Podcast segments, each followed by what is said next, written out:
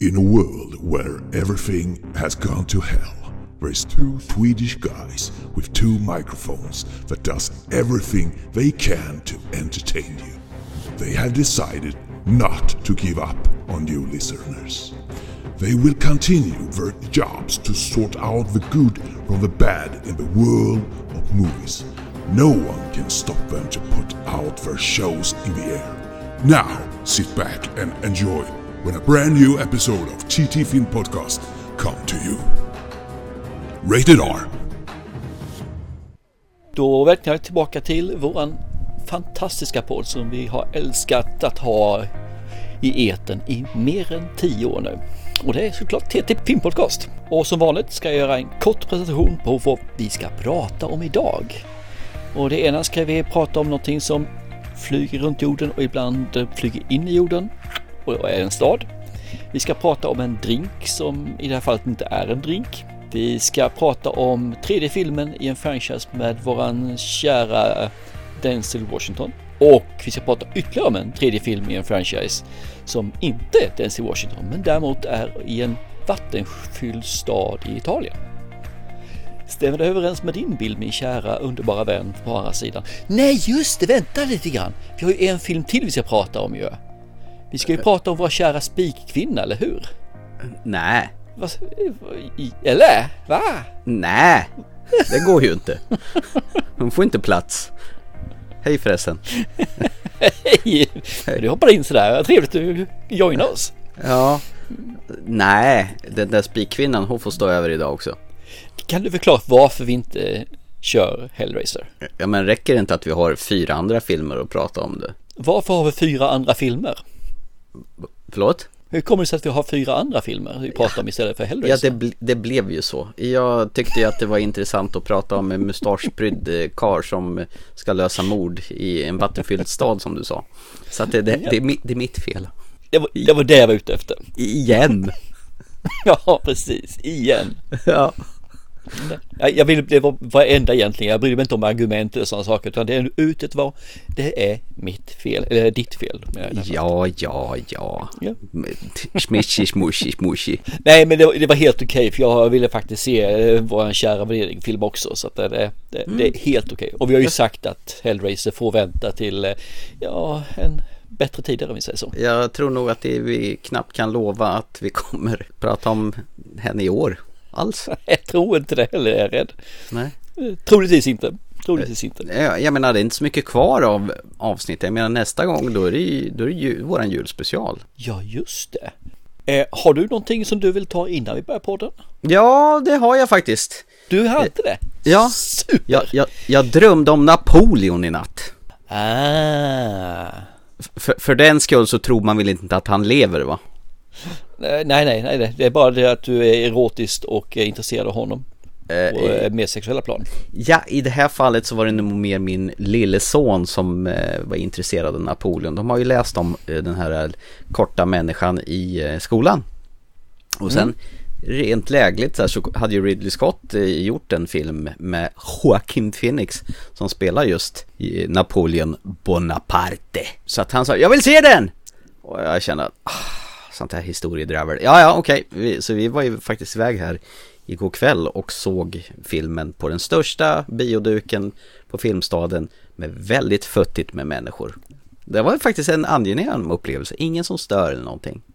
Mm. Eh, och filmen två timmar och 38 minuter där man går igenom ja, alla slag och hans framfart, hur han vill ta över hela världen och eh, samtidigt ha den här kvinnan hemma, Josefin, som spelas av eh, våran favorit Vanessa Kirby som ska sitta hemma och vänta på honom medan han är ute och röjer där.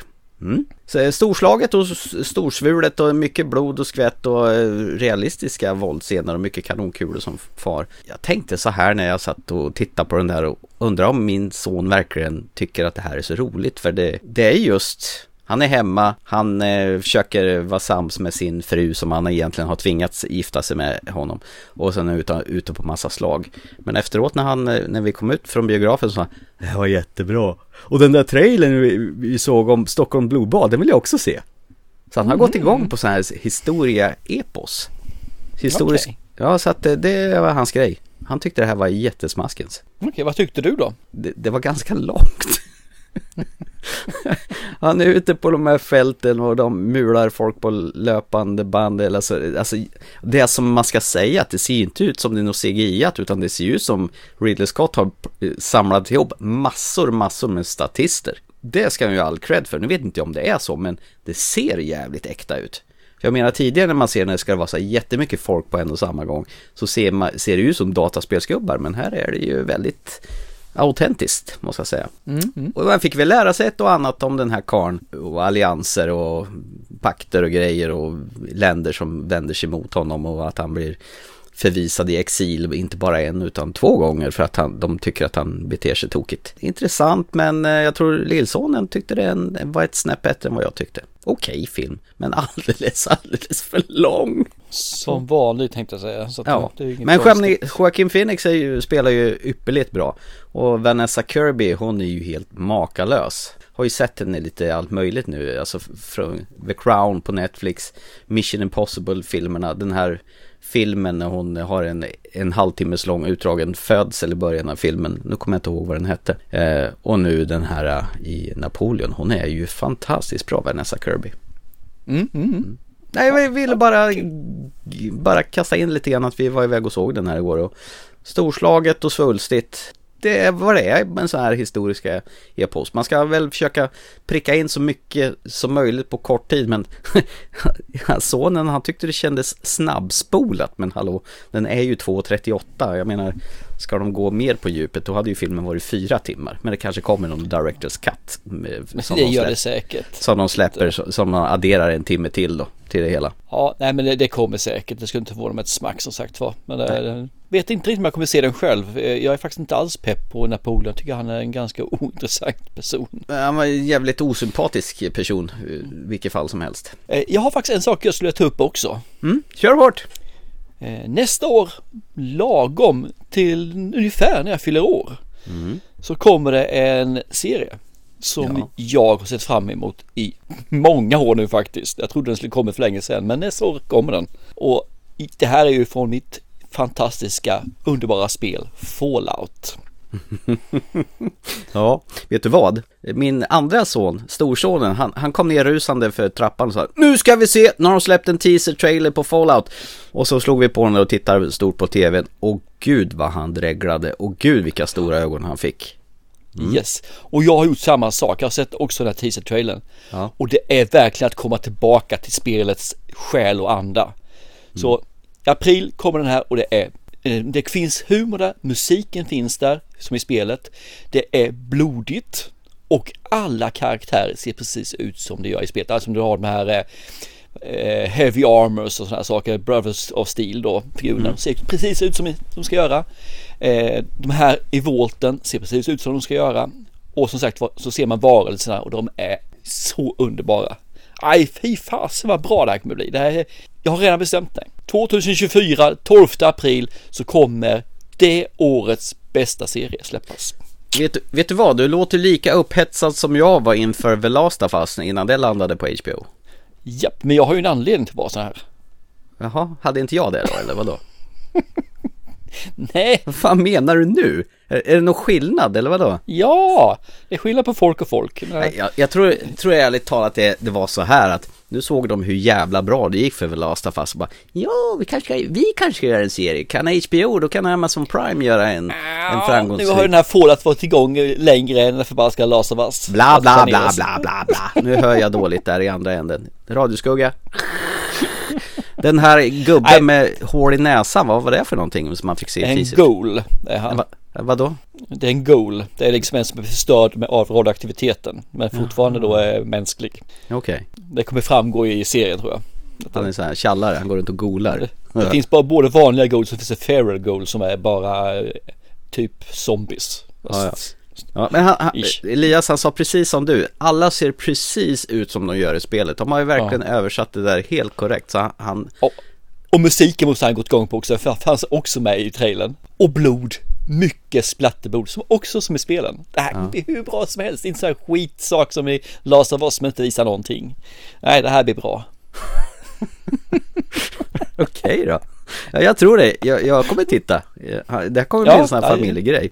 Lillsonen han bara, nej jag har spelat Fallout i, i en liten stund och så säger storsonen, hur länge har du spelat? Ja en timme. Då har du inte spelat någonting! Det var, blev nästan krig vid matbordet igår kväll när vi, för den ena ska försvara den andra och den andra ska ju bajsa på det. Och Ja, då, precis. mm.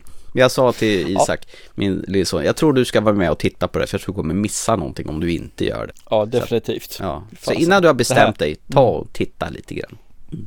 Ja, det vill jag bara säga som sagt var att eh, nästa år, då jäklar. Då blir det andra bullar. Det blir det, absolut. Ha. Ska vi ta tag i kvällens fyra filmer som vi ska prata om Ja. då? Jag tänkte vi skulle gå till vår högtflygande film först här. Asteroid City. Asteroid City från 2023. You're not here. We're not there. The car exploded. Come get the girls. I have to stay here with Woodrow. I'm not the chauffeur. I'm the grandfather. Where are you? Asteroid City, Farm Route 6, mile 75. Junior stargazers and space cadets. Each year we celebrate Asteroid Day, commemorating September 23rd, 3007 BC, when the arid plains meteorite made Earth impact. What do those pulses indicate? What? Oh, the beeps and blips? We don't know. Some of our information about outer space may no longer be completely accurate. Anyway, there's still only nine planets in the solar system as far as we know. Billy? Except now there's an alien. In my loneliness, I learned to give complete and unquestioning faith to the people I love. I don't know if that includes you, but it included my daughter and your four children. Sometimes I think I feel more at home outside the Earth's atmosphere. Oh, wow. Me too. They're strange, aren't they? They're children. Compared to normal people. Yes, that's correct. It's true. Huh? Did I say yes? You didn't say anything. Uh, I meant yes. My, my mouth didn't speak.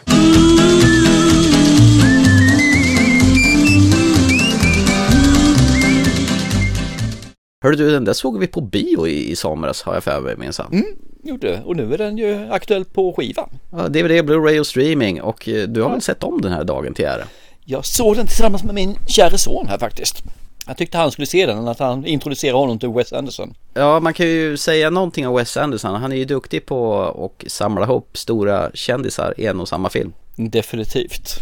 Det är han ju verkligen. Tom Hanks, Scarlett Johansson, Bryan Cranston, Edward Norton. Men Jeffrey Wright, vad fan ska de ha honom till? Usch. Han är helt okej tycker jag faktiskt. Men vi har ju även Sofia Lillis är med också. Jag tycker hon är jättecharmig och god. Så att är fantastiskt bra skådespelare för den ålder hon är. Och så har vi ju givetvis eh, Jason Schwartzman också ju. Han är ju eh, huvudrollsinnehavaren som egentligen skulle vara Bill Murray från början men han vart ju covid-sjuk så att då fick de ah, ut. det, alltså därför Bill Murray inte var med. Jag blev faktiskt lite förvånad att han inte var med. Precis. Och din favo, Tilda Swinton också. Ja, absolut. Jag glömde bort henne så här i Alla ville vara alla med Fallout. Margot Robbie får vi inte glömma heller. Ja, det finns mycket alltså. Det är helt fantastiskt gott. Ja, nice. Ja, Eh, handlingen är väl egentligen sekundär. Men eh, det är väl egentligen att vi får träffa x antal människor som blir fast på en det är väl en wannabe-stad där det egentligen är mer en mack och eh, några hotellrum kan man säga. Som samlas där. Några av de här har barn som ska visa upp någon forskningsresultat som de ska göra för NASA och tävla om en vinst. Och andra är väl där mer eller mindre av eh, olyckshändelse tänkte jag säga. I den här saken, här, i den, här, den här staden eller vad man nu kallar det för någonting så finns det även en krater på den asteroid är. Därav namnet på stan, Asteroid City.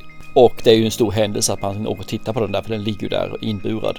Men det man man ser här är ju små sketcher kan man säga och det blir lite meta i den här filmen för det börjar med att man pratar om att det finns en stad som heter Asteroid City som inte finns utan det är i en, en teater. Och sen får man ta steget in i filmen jag känner att jag har jättesvårt att förklara när jag upptäcker när jag börjar prata om det. Det blir bara väldigt, väldigt luddigt. Det här är en Wes Anderson-film med underbara karaktärer, underbara, vad heter det, dialoger och färgsprakande kulisser kan man väl säga mer eller mindre.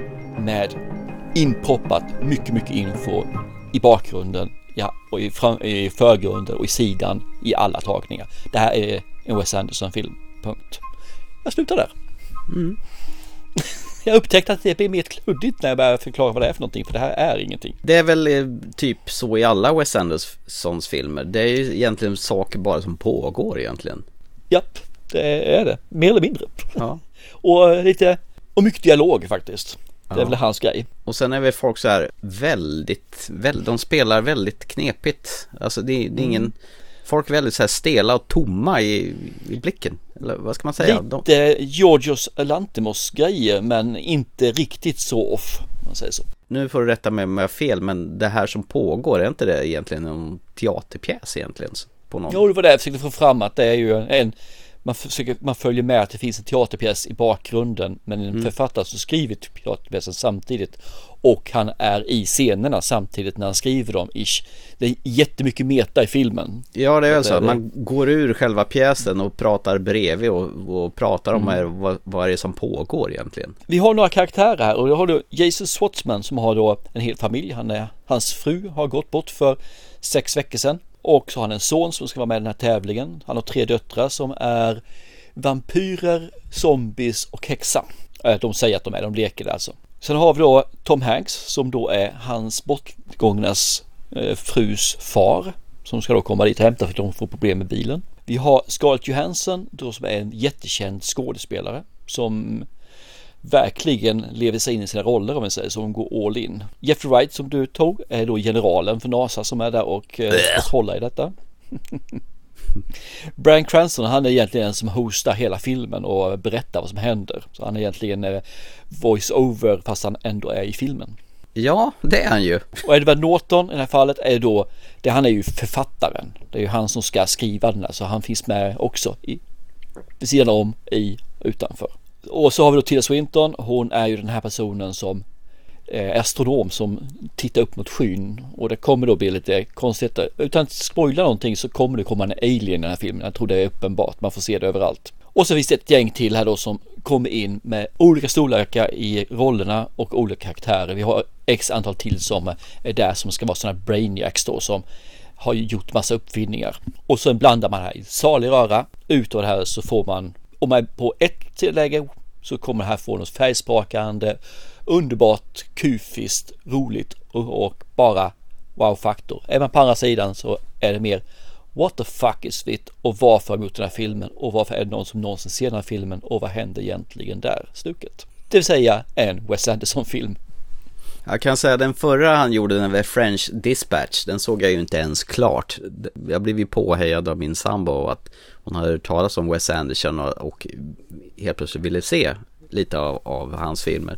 Och så började vi med French Dispatch och jag kan säga att hon var ingen sugen på att se någon mer Wes Anderson efter halva Nej, den. men det är ju synd att ni börjar med den för den är också den krångligaste och mest tittarovänliga filmen han någonsin gjort tror jag. Ni skulle ju börjat med Brand Budapest Hotel eller Royal Tenenbaums.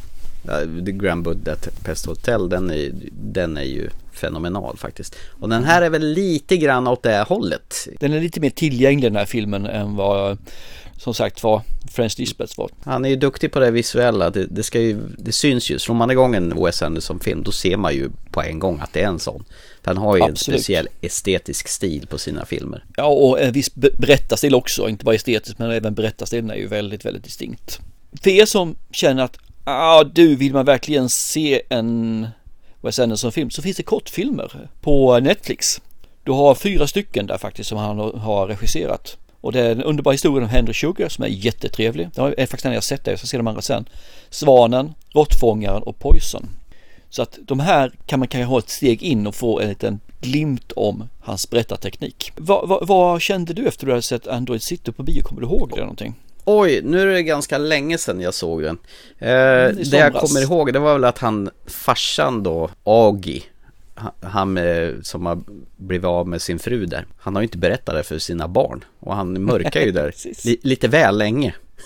Ja, sex veckor tog det ungefär. Ja, det är ganska svår sak att mörka kan jag tycka. Ja, absolut. Fortsätt.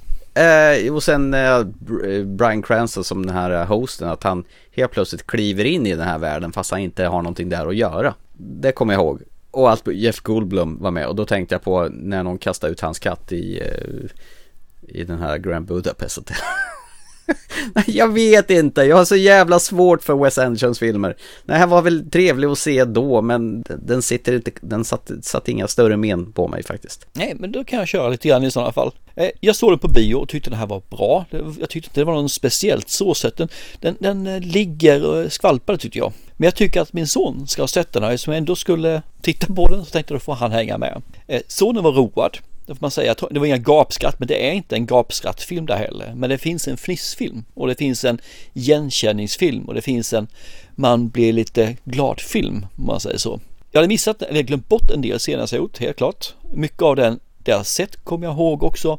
Det är faktiskt ett andra omtiteln, eller andra omtiteln när jag nu såg den andra gången, är faktiskt bättre än första gången. Så pass? Jag tror att det, det var lite grann det här med att man sitter hemma, man är avslappnad, det är liksom mer soft än vad det är på bio. Där är det lite mer liv och rörelse, det finns saker som stör. Här är man på plats på ett annat sätt och då kunde jag ta till mig den här filmen. Och jag känner att Scott Johansson gör ju en fruktansvärt bra roll alltså där. Hon är ju fantastiskt duktig. Och det är faktiskt Jason Schwartzman också. Tom Hanks, eh, han gör sitt där får man säga. Det är, han, han gör det han gör bäst mer eller mindre. Det är att supporta och stötta upp andra.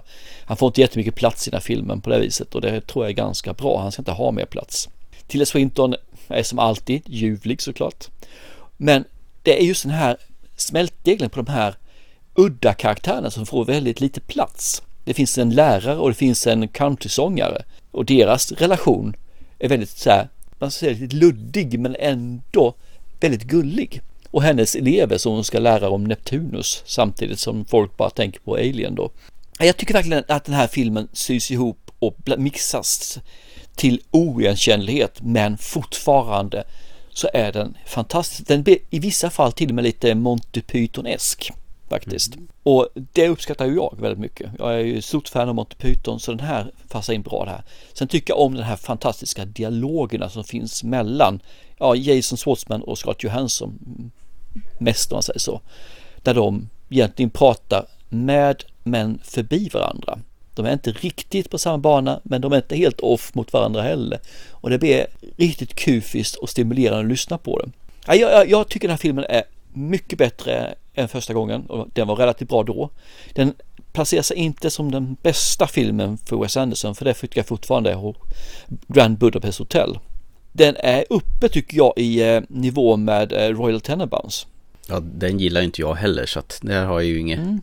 Ja men du tycker inte om Wes Anderson egentligen om man tittar på det? Nej jag gör inte jag, utan det, han jag gjorde ett undantag för mitt gillande. Det var ju den där Budapest-stubben. Ja men hans berättarteknik följer följ med precis på läpparna så det, jag tycker det här är bra. Sen kan han gå över gränsen som man gör i French Dispatch. Där, där är det liksom, det blev för mycket där kände jag för mig. Mm. Men den här filmen kan jag helt klart rekommendera. Tycker ni om Royal Tenenbaums så kommer ni definitivt tycka om den här. Då ska ni se den här. Tycker ni inte om hans berättarteknik och det här luddiga och eh, färgsprakande. För alla kulisser är verkligen kulisser. De ser inte ut som något annat. De är kulisser. Tycker ni inte om det, hans berättarsätt, hans färgsättningar och det här att det finns ganska mycket information i alla hans scener. Håll er borta från, här, håll er borta från allt med Wes Anderson för det spelar ingen roll vilken film ni ser. Det, ni kommer få det här i alla fall. Har ni inte sett Wes Anderson överhuvudtaget så tycker jag nog ni ska testa och se Grand Budapest Hotel först. Och tycker ni om Grand Budapest Hotel då kan ni ge er på den här. Grand Budapest Hotel är nog den som är enklast att se, det är den som är mest tillgänglig för alla. Den här är lite mindre, mer otillgänglig. Men har ett fruktansvärt fint berättarteknik. Så that's, det, det är min rådgivning till den här. Jag älskar den här filmen, den är jätte, jättebra. Jag ser för långrandig jag blev.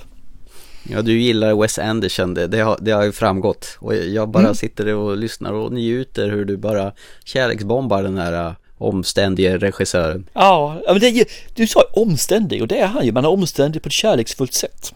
Nej, jag, mm, jag, jag, jag har svårt. Jag har svårt för mm. Eh, jag kan titta på det, jag kan le det, men jag har svårt att ta till med det. det han är inte för mig, om man säger så. Nej, och det, och det köper jag. Det gör jag absolut. Han är, han är inte för alla. Så tycker ni inte om den så är det inget konstigt mer. Utan det, han, är, han är inte tillgänglig för den breda publiken. Så är det bara. Nice! Har sagt vad jag ville se. Jag klar.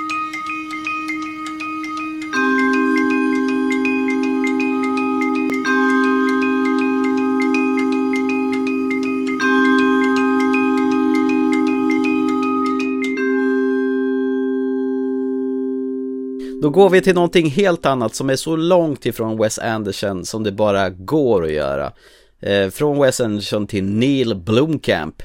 Han gjorde District 9 för, förresten för massa år sedan. En jättebra film. Sen gjorde han en skitdålig film som heter Chappie. Som vi, vi helst vill glömma. Mm, helst. Mm, ja, och sen var han på tapeten och skulle få göra en Alien-film och sen helt plötsligt så fick han inte göra en Alien-film. Vet du vad han gör då istället? Nej. Då gör han en tv-spelsfilm som heter Gran Turismo. Who do you think the best driver is? Probably Rory. I would dust him in a lap. Jan, all you do is play video games with some crazy dreams of racing cars. Dad, you're the one that told us always do something we love. You know what racing cars cost? Look around. It's not our world, son. What is this? It's a contest. The best Gran Turismo players in the world get a chance to compete in professional racing. Dude, this is real. This is real. I'm sorry. You really think you're going to take a kid who plays video games in their bedroom, you're going to strap him to a 200 mile an hour rocket? It'll tear him to pieces.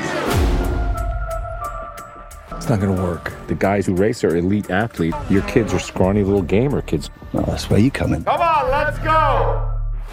Cause I can't stop now. Must be a new experience for you, moving your legs.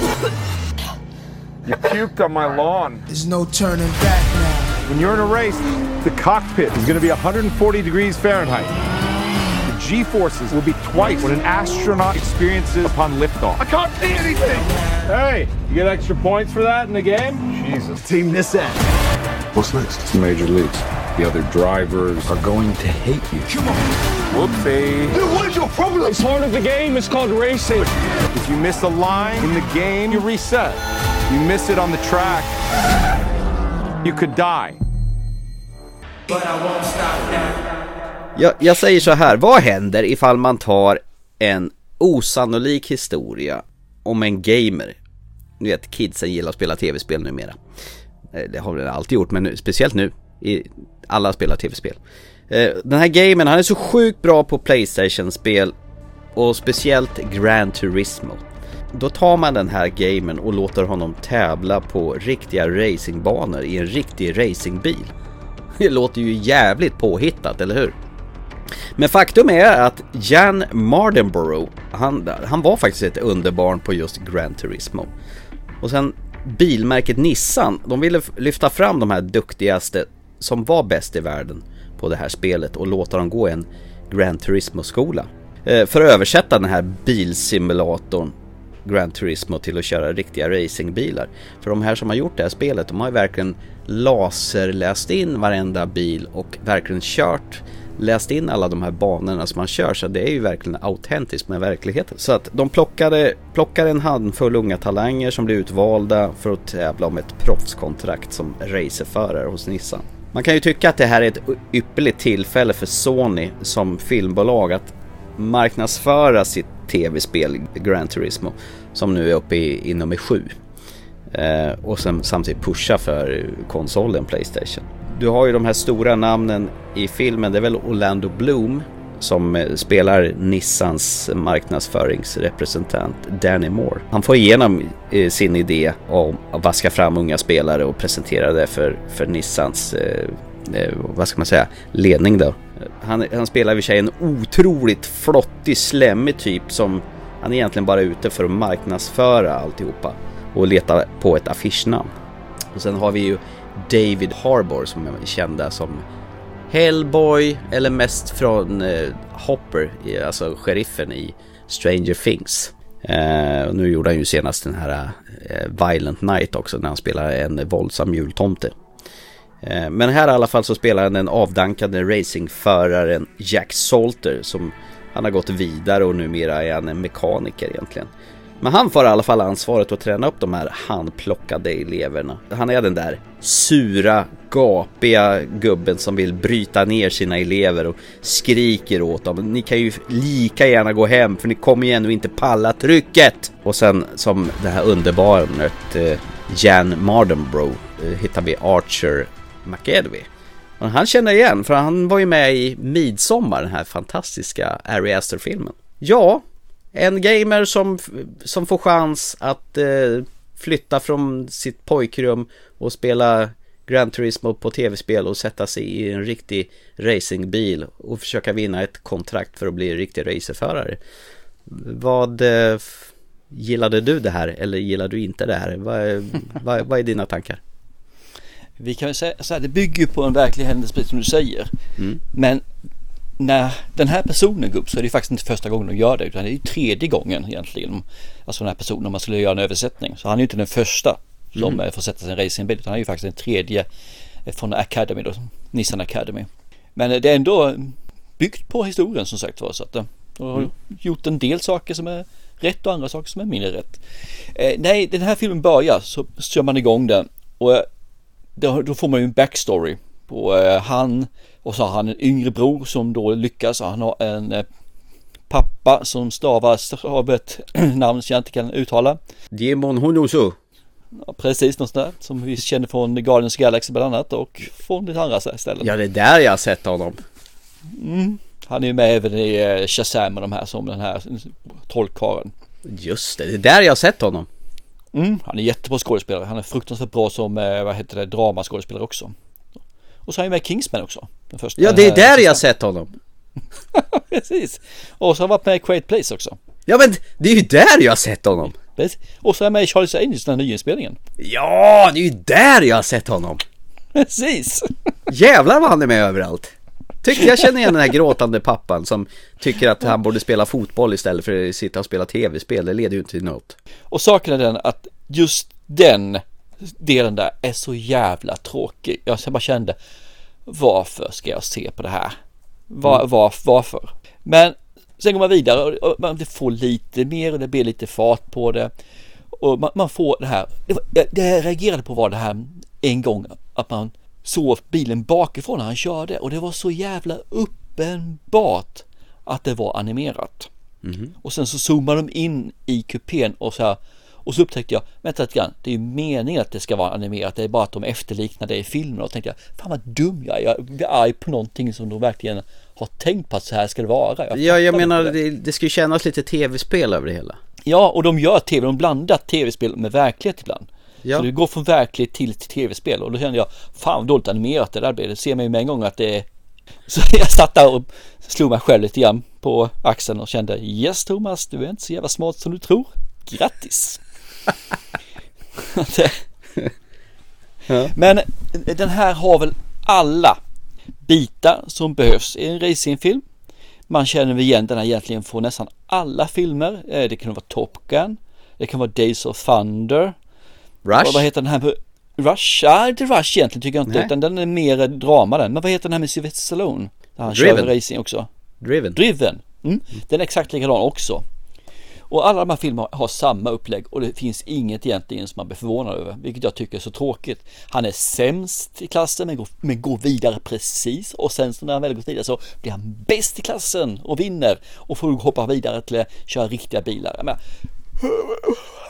varför kunde det inte vara bäst från början? Låt han vara bäst för fan, bara låt han glänsa. Men, men, men vänta nu, sen, måste det hända någonting, något tragiskt som gör att han inte vill fortsätta och sen blir han övertalad att komma igen. Och då har vi Days of Thunder igen, eller Driven, eller Top Gun. Det, det är samma film, det är bara det att nu är det vad heter det, en tv-spelare som ska köra riktiga bilar. Mm. Så jag blir lite trött på det. Men den, gör det den ska göra faktiskt. Eh, jag blir trött för jag har sett det så många gånger tidigare. Jag blir trött för man har en, vi tar samma mall och det är exakt samma film men ett ny, nytt eh, scenario om jag säger så då. Men den gör det den ska göra. Har du inte sett de här gamla filmerna som jag har sett då så kan den här helt klart vara underhållande.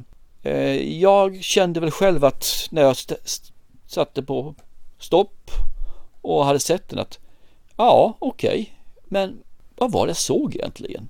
Vad var det? Ja, jag kommer fan som inte ihåg den ordentligt. Sen susade iväg, det var verkligen en popcornfilm där. Jag satt och tittade på den, effekterna är snygga. Det blir lite för mycket effekt, samma effekter, de, de upprepar många saker lite för mycket känner jag. Det är, är lite minus. Men absolut, den gjorde sin sak, den har en lagom längd. 2.14, för lång alltså. Men eh, jag kommer aldrig se om den igen och jag skulle inte rekommendera den heller att se den för någon om man inte nu är ungdom och spel tycker om Gran Turismo. Då, då kan man ju se den såklart. Men ingen rekommendation från min sida för jag känner att den är för mycket karbonkopia på för många sådana här filmer. Jag kunde gjort någonting nytt, någonting lite nyare kunna kasta in. Men icke som icke. Det här är liksom rakt av. That's mm. mitt. Vad säger du för någonting? Hur reagerar du på den här filmen? Nej men jag tycker det känns tryggt på, på sätt och vis, att man vet exakt vad du ska få. Vi nämnde ju de här Days of Thunder, Top Gun. Du kan ta en officer och en gentleman också. Om du ska översätta det. Att du har någon sån här lärare som gapar och skriker på den. Men egentligen så gör han det bara för att pressa och ta fram det bästa ur alla. Och han är ju egentligen snäll i, i slutändan också. I det här fallet är det David Harbour som Jack Salter. Eh, och han har ju ett förflutet han också, för han var ju en jävligt bra racerförare en gång i tiden. Tills han körde Le Mans. Det är farligt. Mm. Hans karaktär är dock en av de få karaktärerna som är helt, helt påhittad. Jag tycker han funkar bra. Han, jag, jag gillar David Harbour. Han är, han är skön, han är charmig, han är högljudd. Men eh, han säger, säger vad han tycker. Och du, det är som du säger, man kan nog bocka av varenda klyscha som finns i den här Grand Turismo som du har sett i alla tidigare filmer. Men Neil Blomkamp som har regisserat den filmen, han skickade faktiskt upp adrenalinet på både mig och min son. Så jag kände mig faktiskt rätt investerad i den här filmen. Jag tycker att bilracing-scenerna där man använder tricksen från tv-spelet och tydliggöra vilken placering Jan är i racet, att du får grafiskt vilken plats han är genom att sätta en siffra. Han är på femte plats nu med en pil ovanpå. Bling, bling, bling. Här är han. Han är på femte plats. Nästa varv, nu är han på tredje plats. Det gör att det blir lite tydligare att hänga med. Och med, i och med att farbror här som börjar bli gammal och lite trög gjorde det hela lite lättare. Och bra musik genom hela filmen och trots att filmen är så här sjukt förutsägbar så njuter faktiskt jag till fullo när jag ser det här. Dessutom så satt min son och Isak bredvid soffan och han, han studsade verkligen upp och ner för han var så jäkla spänd på de här racing-sekvenserna och jag skulle vilja nämna att han har inte sett de här övriga racingfilmerna och Top Gun och allt det här vi har pratat om tidigare. Så för honom så är det väl, var det här nytt och första gången. Det var rätt kul att se honom och bli så här sprallig och adrenalinfylld. Och ja, nej, jag tycker det var en snyggt förpackad marknadsförd film om Gran Turismo. Och de här obligatoriska scenerna i slutet där man får se verkligheten Jan Marden Burrows. Det vevas ju upp förstås på skärmen. Eh, och jag blir inte ens upprörd över det. Och jag blir dessutom sugen på att se om Days of Thunder med Tom Cruise. Mm, okay. Och det sista som händer det är att eh, min son Isak han säger Nu vet jag vad jag önskar med julklapp. Jag önskar mig Grand Turismo 7 och en ratt. Såklart. Ja, då blev det dyrt att titta på den där filmen helt plötsligt. Det bidde det? Ja, nej men eh, det här var inte alls tokigt. Jag, jag hade inte tråkigt någonstans. Jag mös, jag tyckte det var härligt. Och eh, ja, ibland räcker det bara att det är så. För att jag ska bli underhållen jag var ganska övertygad om att du skulle tycka faktiskt att det här var ganska underhållande. Med, med, med, med tanke på hur du har eh, jag ska säga pinpointat min filmsmak på de senaste tiden så kanske du inte är förvånad. Inte ett smack. Jag vill bara säga en sak om det här Jimon Hanso som du eh, tog upp namnet på tidigare. Han ska faktiskt göra en film till nu som kommer i år som jag ser framåt jättemycket. Mm. Och det är ju Rebel Moon. Ja, den här tvådelars eh, sci-fi filmen som eh, Zack Snyder gör. Jajamän. Mm. Han är med båda två där, men nu är det ju Part 1, eh, Child of Fire som kommer här nu i december Just det, och andra kommer i april läste jag. Mm. Ja men det ska bli mums. Eh, lite sci-fi fantasy. Jag har faktiskt inte sett ja. någonting förutom posten. Och bara det så, och det står st- underskriver Zack Snyder, då blir man ju sugen på att se det. Mm. Ja, men Zack Snyder står faktiskt mycket för kvalitet. Det gör mm. han. Även om han kan vara långrandig och vill göra sina filmer åtta timmar långa och så här. Men, mm. men du, kommer ihåg Sucker Punch? Ja då. Sweet dreams are made of this. Alltså, vi är de få som tycker den är bra så att jag vågar knappt nämna det. Ja, det är lite märkligt det där. Man blir nästan lite idiotförklarad om man tycker Sucker Punch är bra. Mm, ja, faktiskt. Ja. Jag vägrar släppa det. Det är Ja. en bra film. Ja, nej men eh, det här var Easy Come Easy Go. Den far igenom som en eh, racerbil och eh, passerar skinnet och harmlöst och lättglömt. Jo visst. Men det är ju en habil sån här film att se på fredagskvällen. Om man inte vill ha någonting för svårtuggat som Astro City kanske.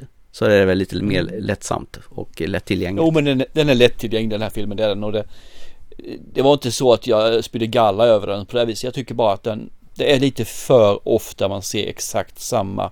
Och den gav ingenting nytt egentligen till genren överhuvudtaget. Så det var mer det som jag kände. Men visst var Orlando Bloom en riktig slämpropp i den här filmen? ja men han har åldrats. Har han gjort. Ja, ja, har han. Och flottig sån här fläskkotlettsfrisyr. Så här, jag står Ja. utanför Spybar i Stockholm och vaskar champagne innan jag går in i kön. Ja, ja. Mm.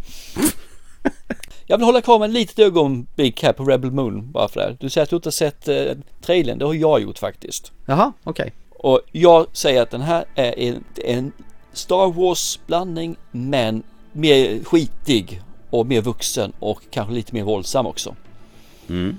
Så att jag tycker det här, jag tror det här kommer bli hur bra som helst. Jag, jag ser verkligen fram emot den här. Men det känns som det finns lite humor i den fortfarande så att det, ja, det kan bli bra. Jag tror vi har anledning att eh, återkomma till den här filmen och vi ska nog ta lite snack om den här innan året är slut. Eller vad säger du? Ja, det är vi nog dömda till det. Vad rebelliskt av dig. Mm. Ja. Jag kan vara rebelsk nu Mona. Men du, vi lämnar eh, Gran Turismo och så tar vi oss till Sicilien tycker jag minsann.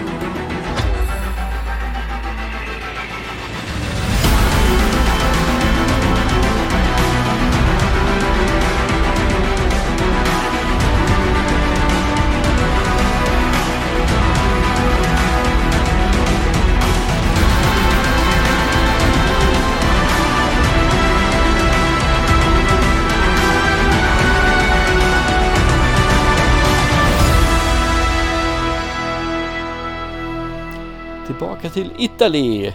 Vi ska till It- Italien två gånger ikväll. Ja, nu är det Equalizer 3 vi ska prata med våran kära Vin Diesel. jag. Heter inte alls det? Vin Diesel? Vin Diesel! Denzel Washington såklart. Ja, han börjar inte ens på samma bokstav. Robert McCall. Han gömmer sig i, eh, på Sicilien i filmen Equalizer 3. Ciao Roberto! Roberto, tell me, what did you do back home? Government work. I'm retired, man. I understand pain, death. For you. Come sta? Va bene. because of these people, I'm beginning to understand real peace. Roberto, this is my wife. Ciao, ciao. Oh. And I'm starting to believe Ciao, Johnson. They see you as one of us now. this is where I'm supposed to be. What happens here happens in many towns. The mafia. They're like cancer. Who said you could come here? You should stay out of other people's business. Whatever it is you and your friends do, do it somewhere else. You warning me? I'm preparing. Is that a Timex? No. It's a boot. That's the median nerve that I'm compressing. That's a level three. If it goes to level four, you will on yourself. Police found multiple dead bodies On that farm in Sicily. Did you kill him? Nine seconds. Do I look like a killer?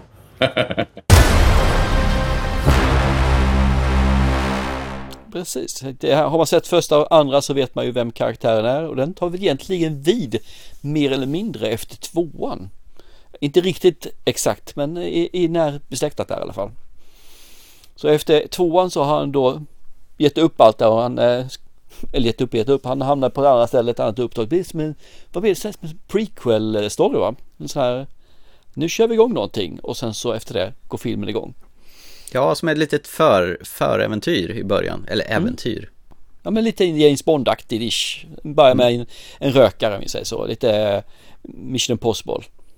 Eh, tvåan, ettan här tycker jag är så fantastiskt bra. Den är lite nyskapande tycker jag också. För att det är lite eh, nyskapande men det finns en blandning mellan Sherlock Holmes och eh, med, eh, vad ska man säga mer, vanlig sån här vigilantefilm. Men han är en lite mer intelligent person. Så han, han tar tiden på sig själv, alltså klarar klara av de här på 14 sekunder och sen så har han två sekunder fel så attans också, det var inte bra. Och det finns massa av de här små sakerna man ser att han förbereder slagsmålet. Jag tar den här, jag gör detta, jag gör detta, jag gör detta. Och sen så får man se slagsmålet spelas upp i ja, realtid då.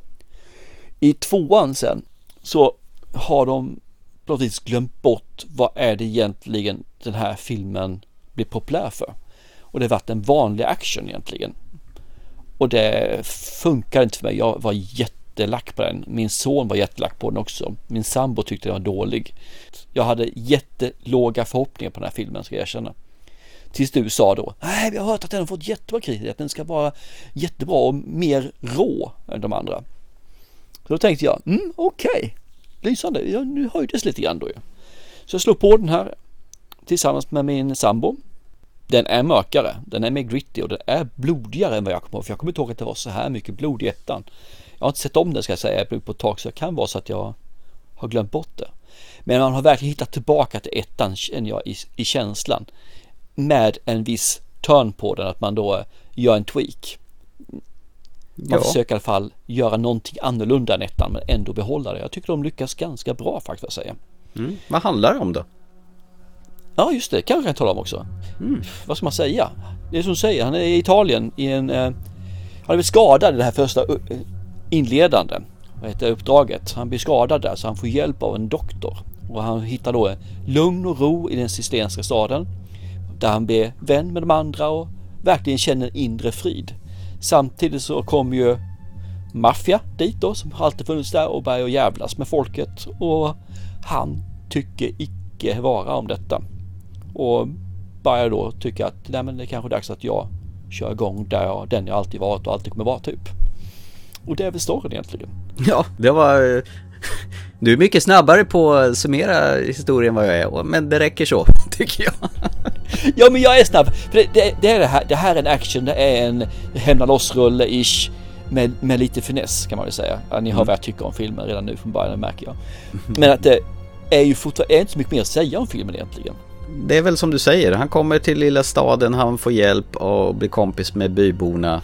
Maffian kommer dit och vill ställa till det.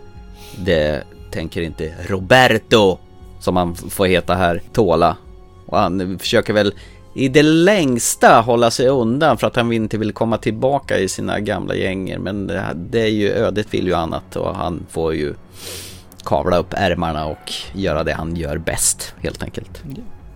Det som jag tycker är kul är att det blir ju en liten så här eh, vad ska man säga, inte katt och för det var fel uttryckt men det finns ju en liten integration med den här eh, CIA-tjejen som han ringer upp och tar, du kom, åk iväg och titta där så jag hittar någonting som är intressant.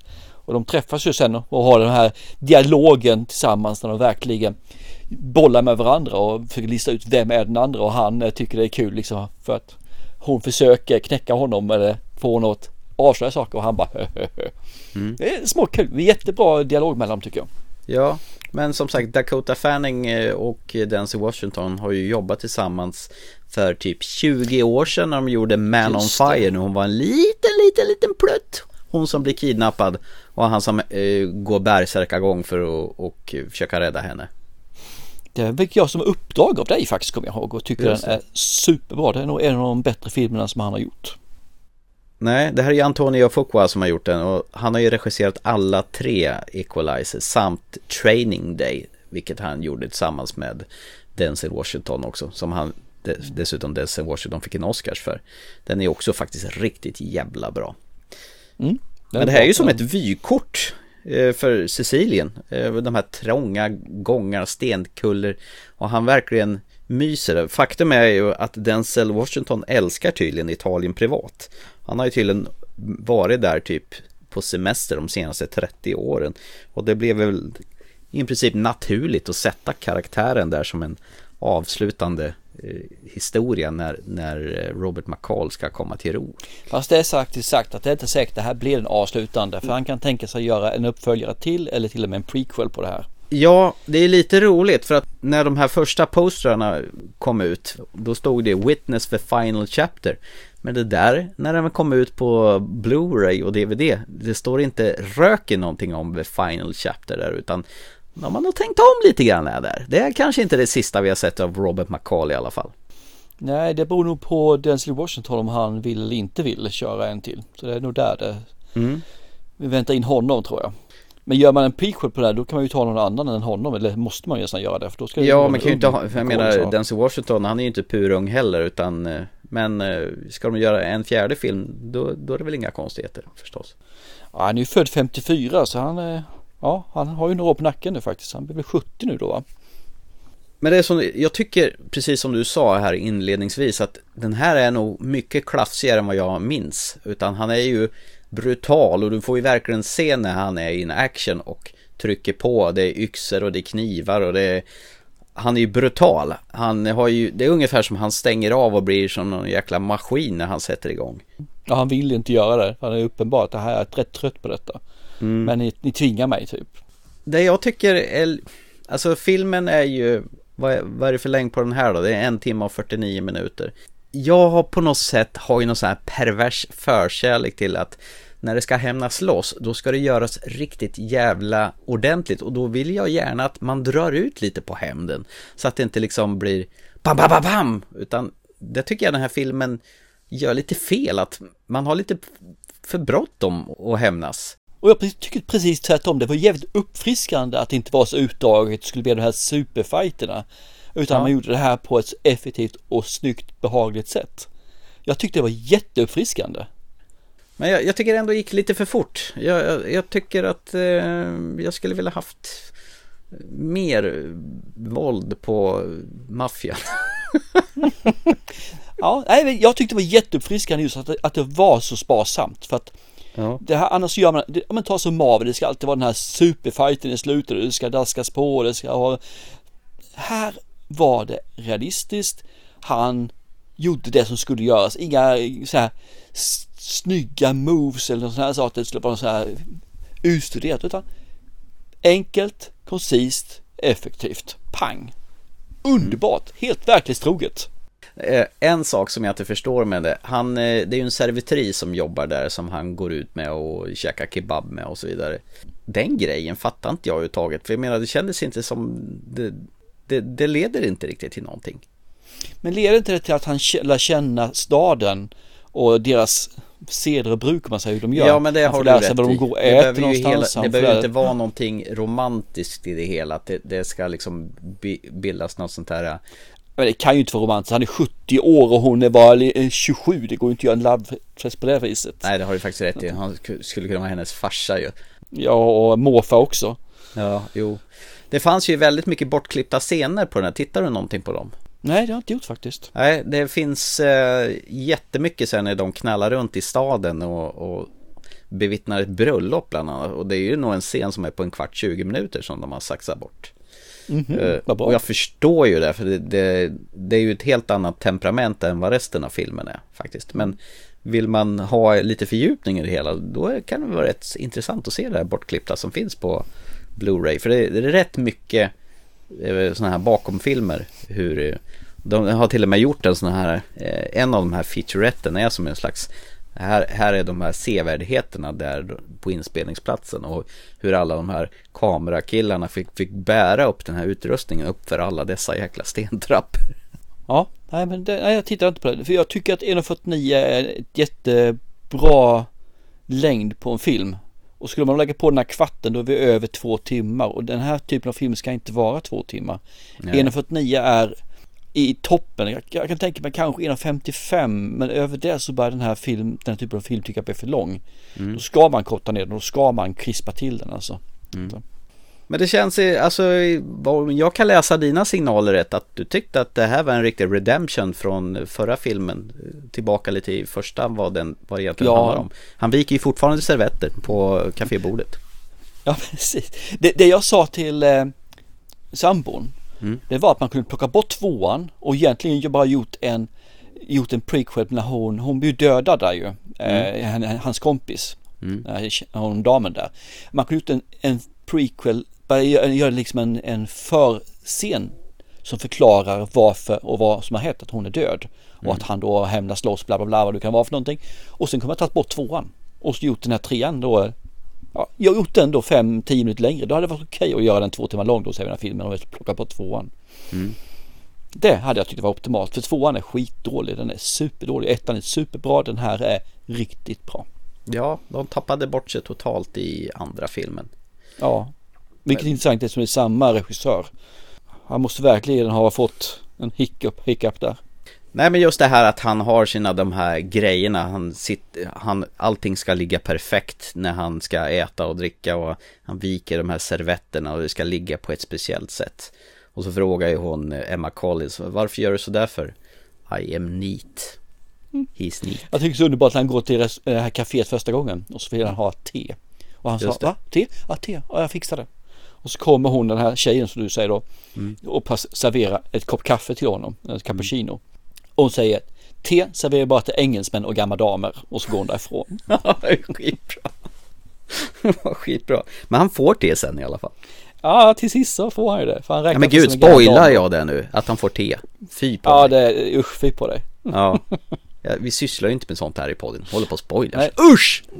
Ja, nej men jag håller med, den här var inte alls tokig. Jag tyckte att det var väldigt våldsamt och härligt och det var fina miljöer. Och jag förstår att Denzel Washington gillar Italien. Eh, Jag blir fan sugen på att åka dit. Ja, jag håller med. Om man slipper maffian det vill säga. Men ja, jag känner mig rätt redo. Jag, jag, jag ser, tyckte om ettan, se den här för den är bra. Tyckte du tvåan var kass och ville inte se den så se den i alla fall. Mm. Ja, det är faktiskt en eh, riktig upplyftning eh, från förra crap-filmen. Det, är rätt intressant när man tittar på sådana här genrer. Så, eh, första filmen är bra, andra filmen är oftast dålig och tredje filmen är oftast en uppryckning faktiskt. Att man då tar sig i kragen och kollar vad är det som gjorde det bra. Mm. Det, det håller i sig hela tiden tycker jag när man gör flera filmer i en genre. Ja, varför inte? Gör om, gör rätt.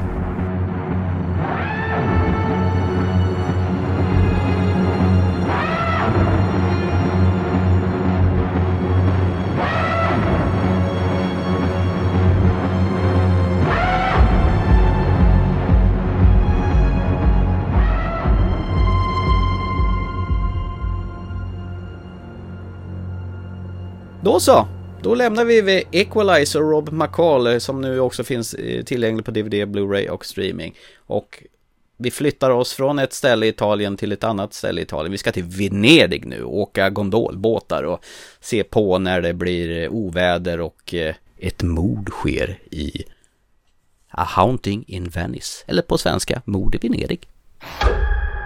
Hercule Poirot, I found something. I've looked at it from every which way. I am the smartest person I ever met, and I can't figure it out, so I came to the second. You are up to something, my friend. I've seen a million of these so called psychics, each one a fake. I do not believe in psychics. Come with me to a seance. Spot the con, I can't. Detective, you are here to discredit me, but I can talk to the dead.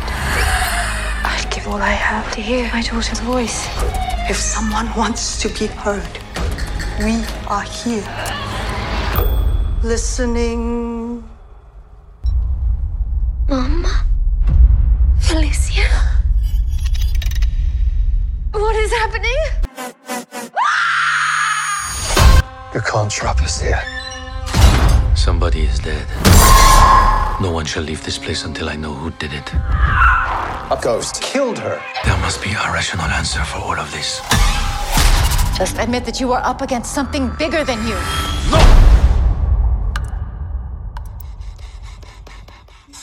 No one shall leave until I find if the living have been killed by the dead.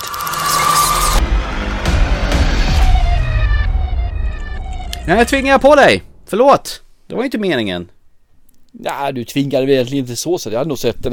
Jag vill se den i alla fall. Ja, det, det lät ju ungefär som att oj, oj, oj, oj, åh, måste vi? Jag vill inte se den jävla mustaschprydda Kenneth Braggerna som regisserar sig själv och skådespelar själv och så försöker vara Poirot för tredje gången. Tredje gången gilt som det heter. Ja. Eh, Vi får ju träffa eh, Poirot, han har väl egentligen dragit sig tillbaka från sitt detektivande. Han är inte sugen på att hålla på längre. Han vill mest vara i fred och äta sina sötsaker på hustak.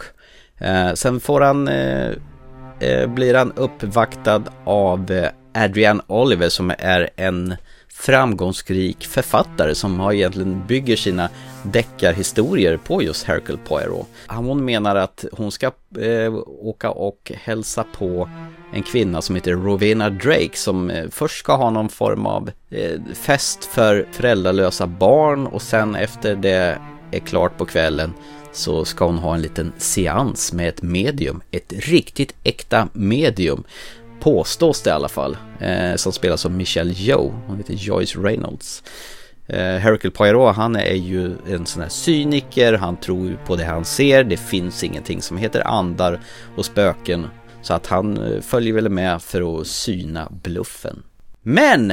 Mitt under, efter seansen som egentligen spårar ur lite grann, någon i gänget blir mördad och Kenneth Braganas Hercule Poirot eh, får egentligen fundera på vad som är rätt och fel. Finns det ett liv på andra sidan egentligen? Han börjar ifrågasätta sin egen intelligens och kanske börjar få omvärdera situationen. Ja, en klassisk mm. mordhistoria där vi har ett antal olika misstänkta. Du har en Dr. Leslie Ferrier som är nervös. Du har själva hon som äger det gamla huset, Rowena Drake. Du har det, den skrivande författaren Adrian Oliver som spelas av Tina Frey. Du har ju Michelle Yeoh som är mediumet och eh, plus eh, den lille grabben Leopold Ferrier som spelas av Judd Hill som man känner igen från den här filmen eh, som Kenneth Bragana bygger på sin självbiografiska Belfast. Han är ju faktiskt riktigt charmig. Mordhistoria på Venedigs i en, i ett sånt här härligt palazzo. Vad gillar vi det här då? Vi kan börja, vad tycker du om de första filmerna? Jag kan säga så här, mordet på Orientexpressen hade ju jag sett några år innan så det blev ju så som att se bara en uppdaterad variant av det hela. Det är ju en riktig ensemblefilm där man trycker in så mycket kända ansikten som det bara går. Eh, snygg produktion men eh, jag kände inte så fruktansvärt mycket för den. Men eh, Döden på Nilen blev jag ju den såg jag ju fram emot för att Gal Gadot var med. Den tycker jag var en mm.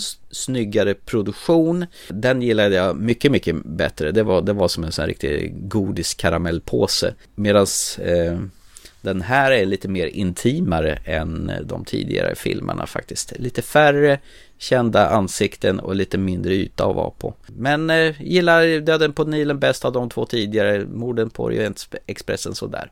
Själv då? Jag håller med, Orientexpressen, jag tycker den är ganska okej okay, faktiskt. Så jag såg ju om den här för ett tag sedan och tyckte faktiskt den är, den håller. Mm. Jag. Själva hur den är uppbyggd och hur det här med eh, ledtrådar och dylikt. Mm. Eh, mordet på Nilen var ju tråkigt för den löste ju jag redan vid mordtillfället. Vem som, ja hur, hur det var det, hur det var man säger som är mysteriet. Mm. Det gör ju det hela lite mindre intressant resten sen. Så den var ju verkligen dålig själva mysteriet. Men jag håller med att den var bättre, eh, filmtekniskt var den bättre annars. Här eh, Morden Venedig tycker jag han faktiskt har gjort ännu bättre filmtekniskt så han får lite mer intresse i karaktärerna än, än man får tidigare. Mm. Eh, jag är lite mer investerad faktiskt i, i de karaktärerna som, som finns med i filmen. Och sen är inte Poirot riktigt lika pajasaktig som han varit tidigare utan han är lite mer så här trött och återhållsam. Han är mer lite mer down to earth, lite mer jordnära än han har varit tidigare. Ja, han är ju pensionär. Han vill ju egentligen inte hålla på med det här. Det är ju lite grann därför kan jag tänka mig. Ofrivilligt på plats. Japp. Så att, eh, nej men jag tycker det är bra och eh, jag löste väl halva gåtan i den här innan det presenterades. Ja, halva kan vi säga. Jag ska inte säga mig för då spoilar jag för mycket. Så det, vi håller oss där. Mm. Och det tycker jag var lite uppfriskande att jag inte tog hela. För det är ju så vansinnigt tråkigt när man lyckas göra det. För man vill ju bli överraskad. Man vill ju få en, ah just det känsla när det är sådana här typer av filmer. Jag tycker faktiskt att eh, Kenneth Branagh gör bättre ifrån sig innan. Det kanske är just för att han har tonat ner sig själv. För att han ska vara lite trött. Han ska vara lite, jag vill lägga av stuket. För över, över att det går kommer döden ikapp mig liksom. Så Ja. jag tycker det är jättebra. Han, han lyckas bra med bara att regissera och skådespela faktiskt. Eh, Michelle Yeoh är ju super. Hon, hon är alltid charmig. Varken som hon är en bitch eller en- ska vara den goda personen så är hon alltid fantastiskt li- likeable. Jag ska inte gå igenom karaktärerna allihop lika. Jag gör inte det. Men jag tycker alla karaktärerna faktiskt tillför någonting här. Vare sig om de är stora så har stor plats i rutan eller lite mindre plats då. Så har man en balans i den här filmen. Och det tycker jag är fantastiskt trevligt. Sen så Herr, herr Kull och jag är ju inte riktigt bästa vänner egentligen alltså. Så det finns alltid lite grann motsträvigt att tycka någonting är bra med honom. Men den, den håller faktiskt och den är sevärd. Och det är just att vill du ha någonstans så här eh, pusseldeckare så är den här helt okej tycker jag att titta på. Eh, Och det är nog för att han har, han har downat ner karaktären lite grann. Den, han är lite tröttare, lite mer tillbakadragen, lite mer down to earth. Samtidigt som han har sina tics som finns där och de är faktiskt jävligt roliga att se på. Han, verkligen, han har ju någon typ av eh, tvångssyndrom. Så att, eh, men, nej, men det är underhållande film tycker jag. Den är riktigt nice. Mm. Jag gillar ju hon Kelly Riley som spelar Rowena Drake, den rödhåriga Mm. kvinnan som, som äger det här eh, huset de är på. Ja, hon är jättetrevlig att se på. Ja. är, inte, inte så, utan det är mer att hon, hon, hon strålar ut från tvn, ut genom Mm. skärmen. Gillar du henne här då ska du definitivt ge dig i kast med Yellowstone för hon spelar ju Kevin Costners dotter där och hon är ju så jävla bra i den serien faktiskt. Mm. Vet du vad det första vi har sett av henne? Det var den här skräckfilmen, australiensiska skräckfilmen tror jag den är, Eden Lake. Hon är den här kvinnan som försöker överleva den här jävla mördarna i, i den filmen. Skitbra skräckfilm faktiskt. Jag insåg det när jag liksom började kolla vad hon hade gjort tidigare. Men eh, som sagt, gillar du henne här så se Yellowstone för all del. Sen, sen är ju han killen, den unga killen som egentligen får ta hand om sin, eh, sitt nervrak till farsan. Leopold Ferrier, Judd Hill Mm. från Belfast. Vilket charmsroll han är den lilla killen där. Ja, lite creepy unge får man ju säga. Ja, och han, eh, han trackar ju, vad heter det, Poirot när, när han börjar bli lite nervös. Bara, Jumpy, har ju, du är lite lättskrämd. Och jag kan ju tycka, tycka det är rätt skönt att de lägger in de här övernaturliga inslagen här, vilket gör att det, jag tycker det är faktiskt lite småmysrysligt lite här och var under tiden medan det här mysteriet ska lösas. Ja, okej. Och just det här att det är ingen CGI i den här filmen utan den är inspelad på plats i Venedig i riktiga hus, på riktiga miljöer. Så att det, äktheten blir ju mycket, mycket mera rätt än vad det var tidigare. Det gillar jag också. Och att det är lite intimare, lite mindre, inte lika storskaligt och lika vräkigt som det har varit ti- tidigare. Det gör att det li- blir lite mer isolerat och instängt. Och de är ju förresten instängt, så det ser ju han till att ingen kommer härifrån förrän jag har löst vem som, vem som är mördaren. Som du säger där kanske att både ettan och tvåan så är det ju studio de spelar in i. Ja. Och här helt plötsligt så är man då i autentiska miljöer. Det, det, det gör skillnad faktiskt, det gör det. Ja, det gör sitt till det hela. Och jag för min del, jag ser gärna till att han fortsätter med att göra eh, karaktären och göra flera av Agatha Christies historier. För att det här är ju en mumsig återkommande franchise som gärna får hålla på ett bra tag till. Ja, det finns ingenting som är i pipen än vad jag kan se i alla fall. Så att, eh, det, det kanske är trilogi, hans sista. Då får vi väl nöja oss med Daniel Craigs då i Knives Out. För det, de har börjat spela in på den nummer tredje Knives Out-filmen, läste jag. Nej, det var inte så mycket mer att säga. Det var en habil eh, trea. Jag tycker det var en faktiskt för jävla trevlig stund med den här filmen. Ja, det var två bra tre då med andra ord alltså. Ja, fantastiskt. I. I samma land också. Ja, precis. Ja. ja, hade du något mer eller är det dags att avsluta kvällen för... eh, Nej, jag känner mig ganska nöjd faktiskt. Det var eh, ett bra program. Fyra filmer som sagt så det var riktigt nice. Ja. Och ingen var så här crap-dålig. Nej, det var GT som jag kände då eh, Ja. var kanske under vad jag hade önskat mig. Ja, vi summerar. Asteroid City, du, eh, du går ju upp i bryggan när du pratar med den här filmen och du älskar ju Wes Anderson så det är ju inte mer än att, säga så. Eh, Du rekommenderar Asteroid City till de som kan med den här estetiska galningen Wes Anderson. Eh, jag gick igång i brygga på Gran Turismo. och Du tyckte liksom det var lättglömt som en racerbil far förbi. Eh, Equalizer 3 med Denzel Washingtons eventuella svanesång som Robert McCall. Vem vet? Den gillar vi båda också. Våldsamt och härligt. Och vi avslutar med Mord i Venedig eller, eller som den heter på original Haunting in Venice med eh, Kenneth Branagh som både regisserar och spelar sin huvudrollen och han gör det faktiskt bättre och bättre. Mm. Ja. Bra sammanfattat får jag säga. Tack. Och eh, ja, om inte du har någonting annat så gör vi väl det vi brukar göra. Vi avslutar podden. Det gör vi. Och nästa gång, då är det jul för hela slanten. Mm. Jajamän. Mm. Men till dess så ta hand om er och chip chip. Hej då!